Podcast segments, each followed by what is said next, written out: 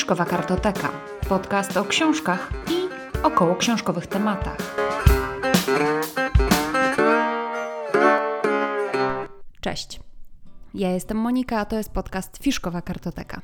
Dzisiaj chciałam Wam opowiedzieć o rzeczach, które obejrzałam w ubiegłym miesiącu, czyli w kwietniu. A było tych rzeczy kilka, kilka naprawdę ciekawych, więc myślę, że jest co polecać. Jeżeli z kolei interesuje Was to, co przeczytałam w ubiegłym miesiącu, to zapraszam do poprzedniego odcinka. Ja go podlinkuję w notatkach do dzisiejszego odcinka, więc będziecie łatwo mogli go znaleźć. Ale zaczynajmy, co obejrzałam w ubiegłym miesiącu. A więc tak, przede wszystkim skończyliśmy oglądać serial Genialną Przyjaciółkę. Genialna Przyjaciółka, sezon drugi, dostępny na HBO. W ogóle większość tych rzeczy z tego miesiąca jest właśnie na HBO.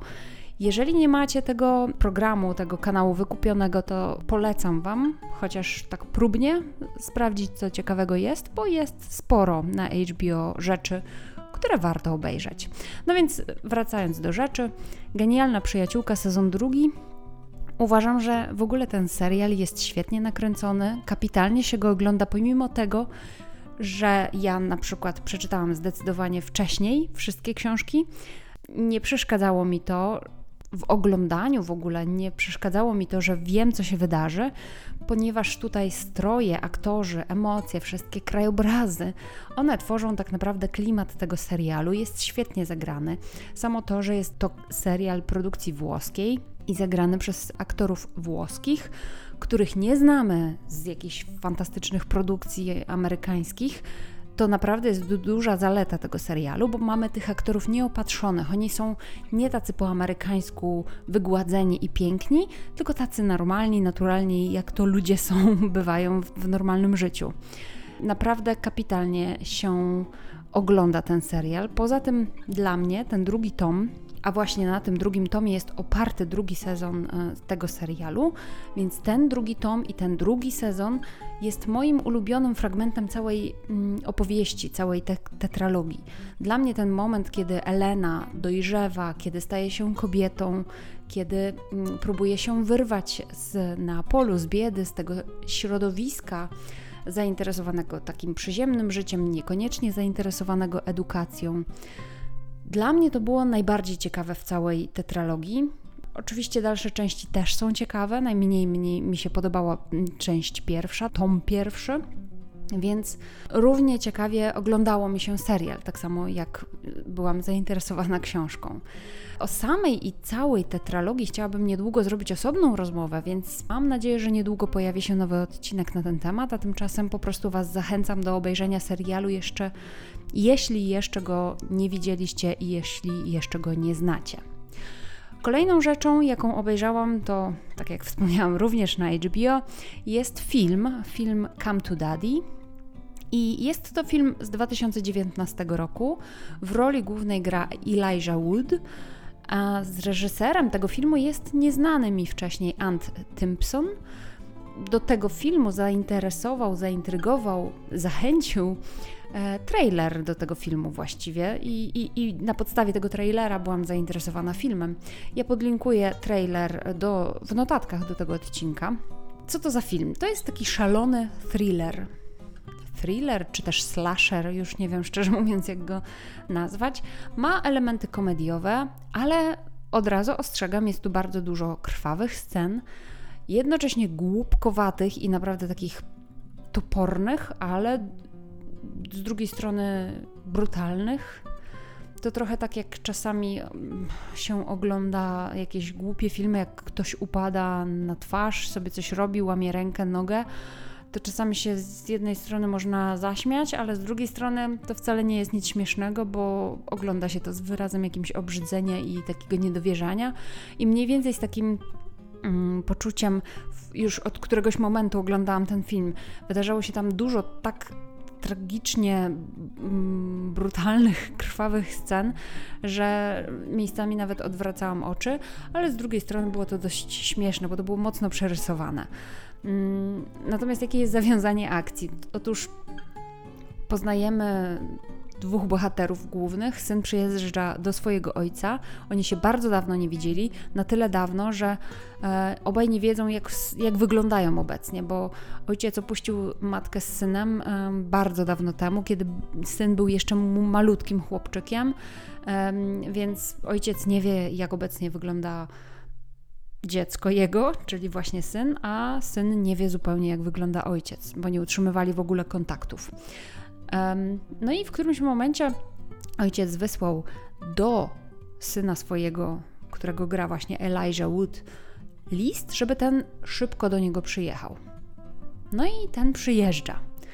Skorzystał z tego zaproszenia, no bo też był ciekawy swojego ojca, a ojciec mieszka samotnie, na odludziu. No i tutaj się właśnie zaczynają dziać dziwne rzeczy, naprawdę bardzo dziwne rzeczy, czasami śmieszne, czasami straszne. E, czy ja Wam polecam ten film? No tylko dlatego bym polecała, bo to jest ciekawa rola Elijah Wooda. Zachęcam Wam najpierw do obejrzenia może trailera, bo on też trochę pokazuje, jakiego typu jest to film. Jest to film typowo i wyłącznie dla rozrywki. Nie ma tutaj żadnego drugiego dna według mnie, ale jeżeli macie ochotę na rozrywkę taką niezobowiązującą, to polecam. Kolejne filmy to są trzy filmy, a to jest dokładnie trylogia Batmana. Trylogia, która została wyreżyserowana przez reżysera Christophera Nolana. I jest to Batman Początek, Mroczny Rycerz, a także Mroczny Rycerz Powstaje. Jest to ta trylogia, w której Batmanem jest Christian Bale, czy też Christian Bale. Alfredem jest tu Michael Caine, no i z Wally grają Liam Neeson, Heath Ledger i Tom Hardy. Są tu też tacy aktorzy jak na przykład Morgan Freeman, jak Katie Holmes, Gary Oldman, Anne Hathaway, Marion Cotillard czy Joseph Gordon-Lewitt. Uważam, że obsada jest kapitalna. Oczywiście wiadomo, że w Batmanach zawsze grali bardzo dobrzy aktorzy i bardzo znani aktorzy, ale tutaj naprawdę gra taka śmietanka i, i, większość tych aktorów należy do takiej listy moich ulubionych aktorów, więc naprawdę jest to też moja ulubiona trylogia i ulubiona odmiana Batmana. Ja Bena Afflecka na przykład nie widziałam w roli Batmana i jakoś mnie do niej nie ciągnie, w ogóle mi ten aktor nie pasuje do tej roli.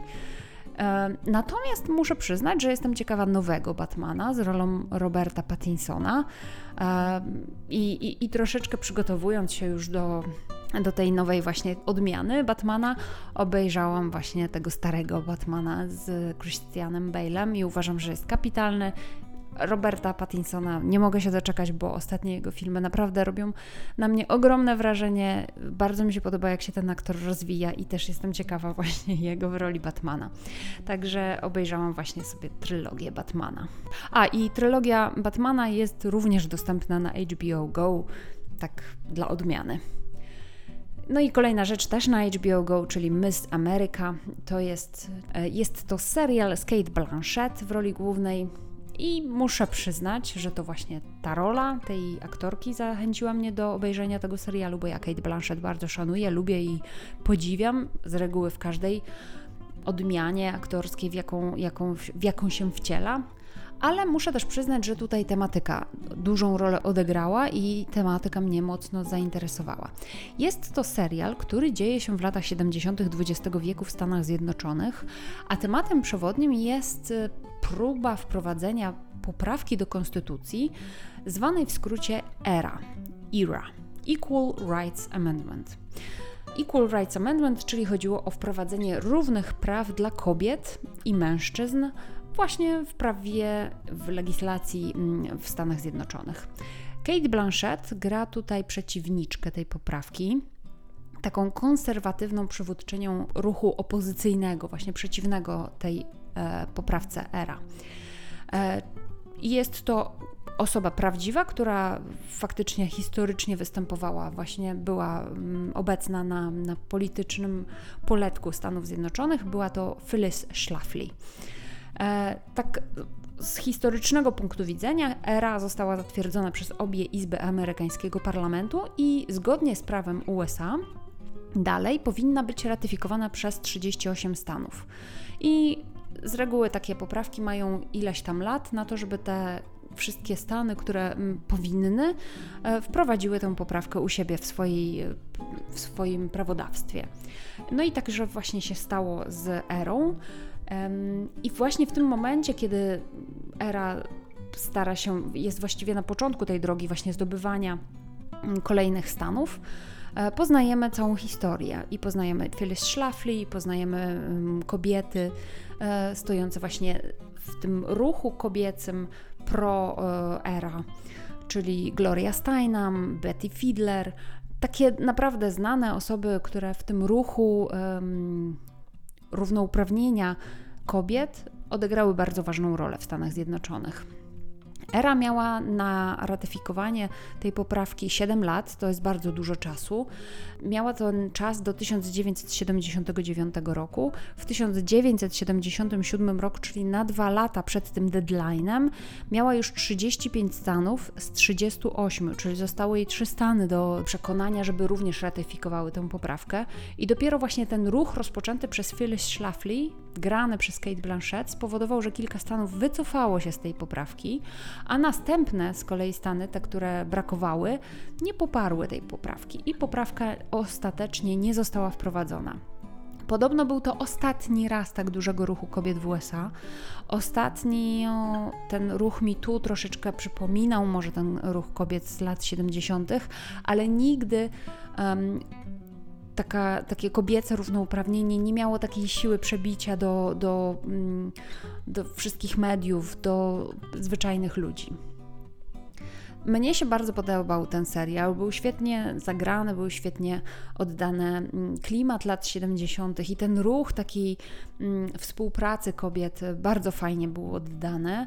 Po jednej i po drugiej stronie, muszę przyznać, i po tej stronie konserwatywnej, i po tej stronie takiej no, prokobiecej. Podobało mi się też to w serialu, że Phyllis Schlafly była tu pokazana jako osoba, która spotykała się z nierównością, z takimi z takim ograniczaniem jej własnych praw, a jednocześnie, mimo wszystko, była przeciwna tej ustawie równouprawnienia. Zaskakiwała mnie ta jej postawa. Z drugiej strony, spodziewam się, że właśnie tak to mniej więcej wygląda, że to nie jest tak, że kobiety, które są przeciwne ustawie, mają wszystko łatwo, podane na tacy i wszyscy ich prawa szanują. Nie, również nie są te kobiety jakoś dopuszczane do równi praw, a jednak uważają, że to jest ok i w porządku.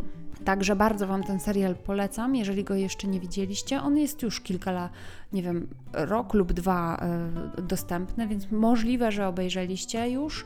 Jeżeli tak, to dajcie mi znać, czy Wam się równie podobał, jak i mnie. Tutaj wspomnę też, że zaczęłam oglądać Nikodema Dyzmę i to nie jest na HBO, tylko na TVP VOD. Dostępny jest za darmo wszystkie odcinki. E, ja nigdy wcześniej nie oglądałam tego serialu. E, Nikodem Dyzma, dlatego stwierdziłam, że już czas. Książki też nie czytałam, więc absolutnie nie mam pojęcia, jak się potoczy ta historia. No wiem, że Nikodem Dyzma y, zrobi karierę, ale co dalej, to nie jestem do końca przekonana. Bardzo mi się podobał. Na razie obejrzałam dwa odcinki, ale wspominam o tym, żeby nie było, że wszystko, co oglądam, to jest na HBO. E, natomiast faktycznie ostatnia rzecz, o której dzisiaj opowiem, będzie także z HBO. Jest to serial Counterpart. E, polski tytuł tego serialu to Odpowiednik, jeśli się nie mylę. Obejrzałam e, jeden sezon tego serialu. Tutaj Główną rolę gra John Simmons. Jeżeli nie kojarzycie tego aktora z imienia i z nazwiska, to prawdopodobnie jak wpiszecie imię i nazwisko John Simmons w wyszukiwarkę, Mm, i zobaczycie, jak wygląda ten aktor, to od razu go skojarzycie. Ja nie do końca jestem przekonana, skąd go znam, na pewno go znam z kilku produkcji. I tenże właśnie aktor, John Simmons, gra urzędnika w Berlinie. Jest to serial, w którym sporo mówi się po niemiecku, ale nie jest to główny język tego serialu. E, no więc John Simmons gra takiego urzędnika w Berlinie, pracuje w urzędzie i przyznam, że nie wiadomo jaki jest to urząd. E, wykonuje jakieś dziwne obowiązki. Od samego początku poznajemy tutaj taką tajemniczą atmosferę. Jest tutaj coś takiego, co niewiadomego. Bardzo ciekawie jest to na, też nagrane. E, sam John Simmons, czyli właściwie ta postać, którą John Simmons gra, nie wie, na czym polega dokładnie jego praca, bo ma po prostu wytyczne, wie, co ma zrobić, wchodzi do jakichś tajemniczych pokoi, wymienia się jakimiś tajemniczymi kodami, natomiast on sam nie wie, co te kody znaczą. No i potem, dość szybko, więc to nie jest żaden spoiler, potem dowiadujemy się, że jest to urząd, który organizuje legalne kontakty ze światem po drugiej stronie. Co to jest ta druga strona? Otóż okazuje się, że podobno kilkadziesiąt, jakieś 30-40 lat temu wydarzyło się coś, co spowodowało rozdzielenie się jednej ścieżki czasowej na dwie ścieżki. I od tej pory ludzie żyją jakby w dwóch lustrzanych rzeczywistościach. Są dwa światy. Mm, one mają wspólną przeszłość, natomiast od tych 30-40 lat czas się rozdzielił i ci ludzie już mają jakby inne życia. Mają swoich odpowiedników, ale ich życia już nie są takie same. To znaczy, że podlegają różnym zmianom. Ktoś po jednej stronie może zginąć, a po drugiej stronie nadal żyć. Ktoś po jednej stronie może się rozwieść, a po drugiej stronie wieść nadal szczęśliwe małżeństwo. Więc jest to bardzo ciekawa koncepcja. No i serial ma tutaj dużo ciekawych perpetii, dochodzi do pewnego rodzaju kryzysu e, w kontaktach dyplomatycznych pomiędzy oboma, oboma światami, bo tak naprawdę światy o sobie nawzajem nie wiedzą, tylko właśnie mm, wąska garstka ludzi wie o tych dwóch światach i dwóch odpowiednikach po obu stronach światów są różnego rodzaju ambasady, właśnie nawiązane są kontakty dyplomatyczne, no ale w pewnym momencie zachodzi pewien konflikt i coś się dzieje takiego, że jest to taki serial trochę sensacyjny. Polecam Wam, bo jest, jest to rozrywkowy serial i właściwie nie ma tutaj jakichś szczególnych, nie wiem, rozkmin filozoficznych, ale Myślę, że warto obejrzeć, bo jest dość ciekawie zagrane, dość ciekawie też pokazana różnica między światami. Jest tam też element pandemii, bo w jednym ze światów doszło do pewnego rodzaju kryzysu zdrowotnego, właśnie pandemii pewnego rodzaju. Bardzo ciekawie jest też nakręcony ten serial, bo jest tu dużo takich brutalistycznych w sensie architektonicznym, e, brutalistycznych e, wnętrz ale także budynków ogólnie z zewnątrz. Wszystko jest nakręcone w takich dość szaro-beżowych mm, odcieniach, zimnych i surowych. Bardzo ciekawie nakręcony, naprawdę. Także tak, myślę, że ten serial też mogę śmiało polecić.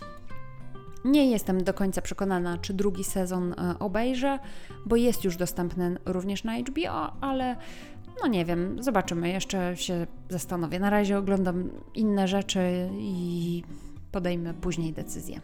Także to jest to, co obejrzałam w kwietniu. Za jakiś miesiąc dowiecie się, co obejrzałam, co oglądałam w tym miesiącu. Tymczasem dziękuję za wysłuchanie tego odcinka. Zapraszam na kolejne. Jeśli macie ochotę na dodatkowy kontakt ze mną, to zapraszam na moje konto Instagramowe, gdzie znajdziecie mnie pod nazwą Fiszkowa Kartoteka. Zapraszam także do zajrzenia do notatek do tego odcinka. Postaram się y, zamieścić w nich linki do różnego rodzaju trailerów, filmów i seriali, o których dzisiaj mówiłam. Tymczasem do usłyszenia. Cześć!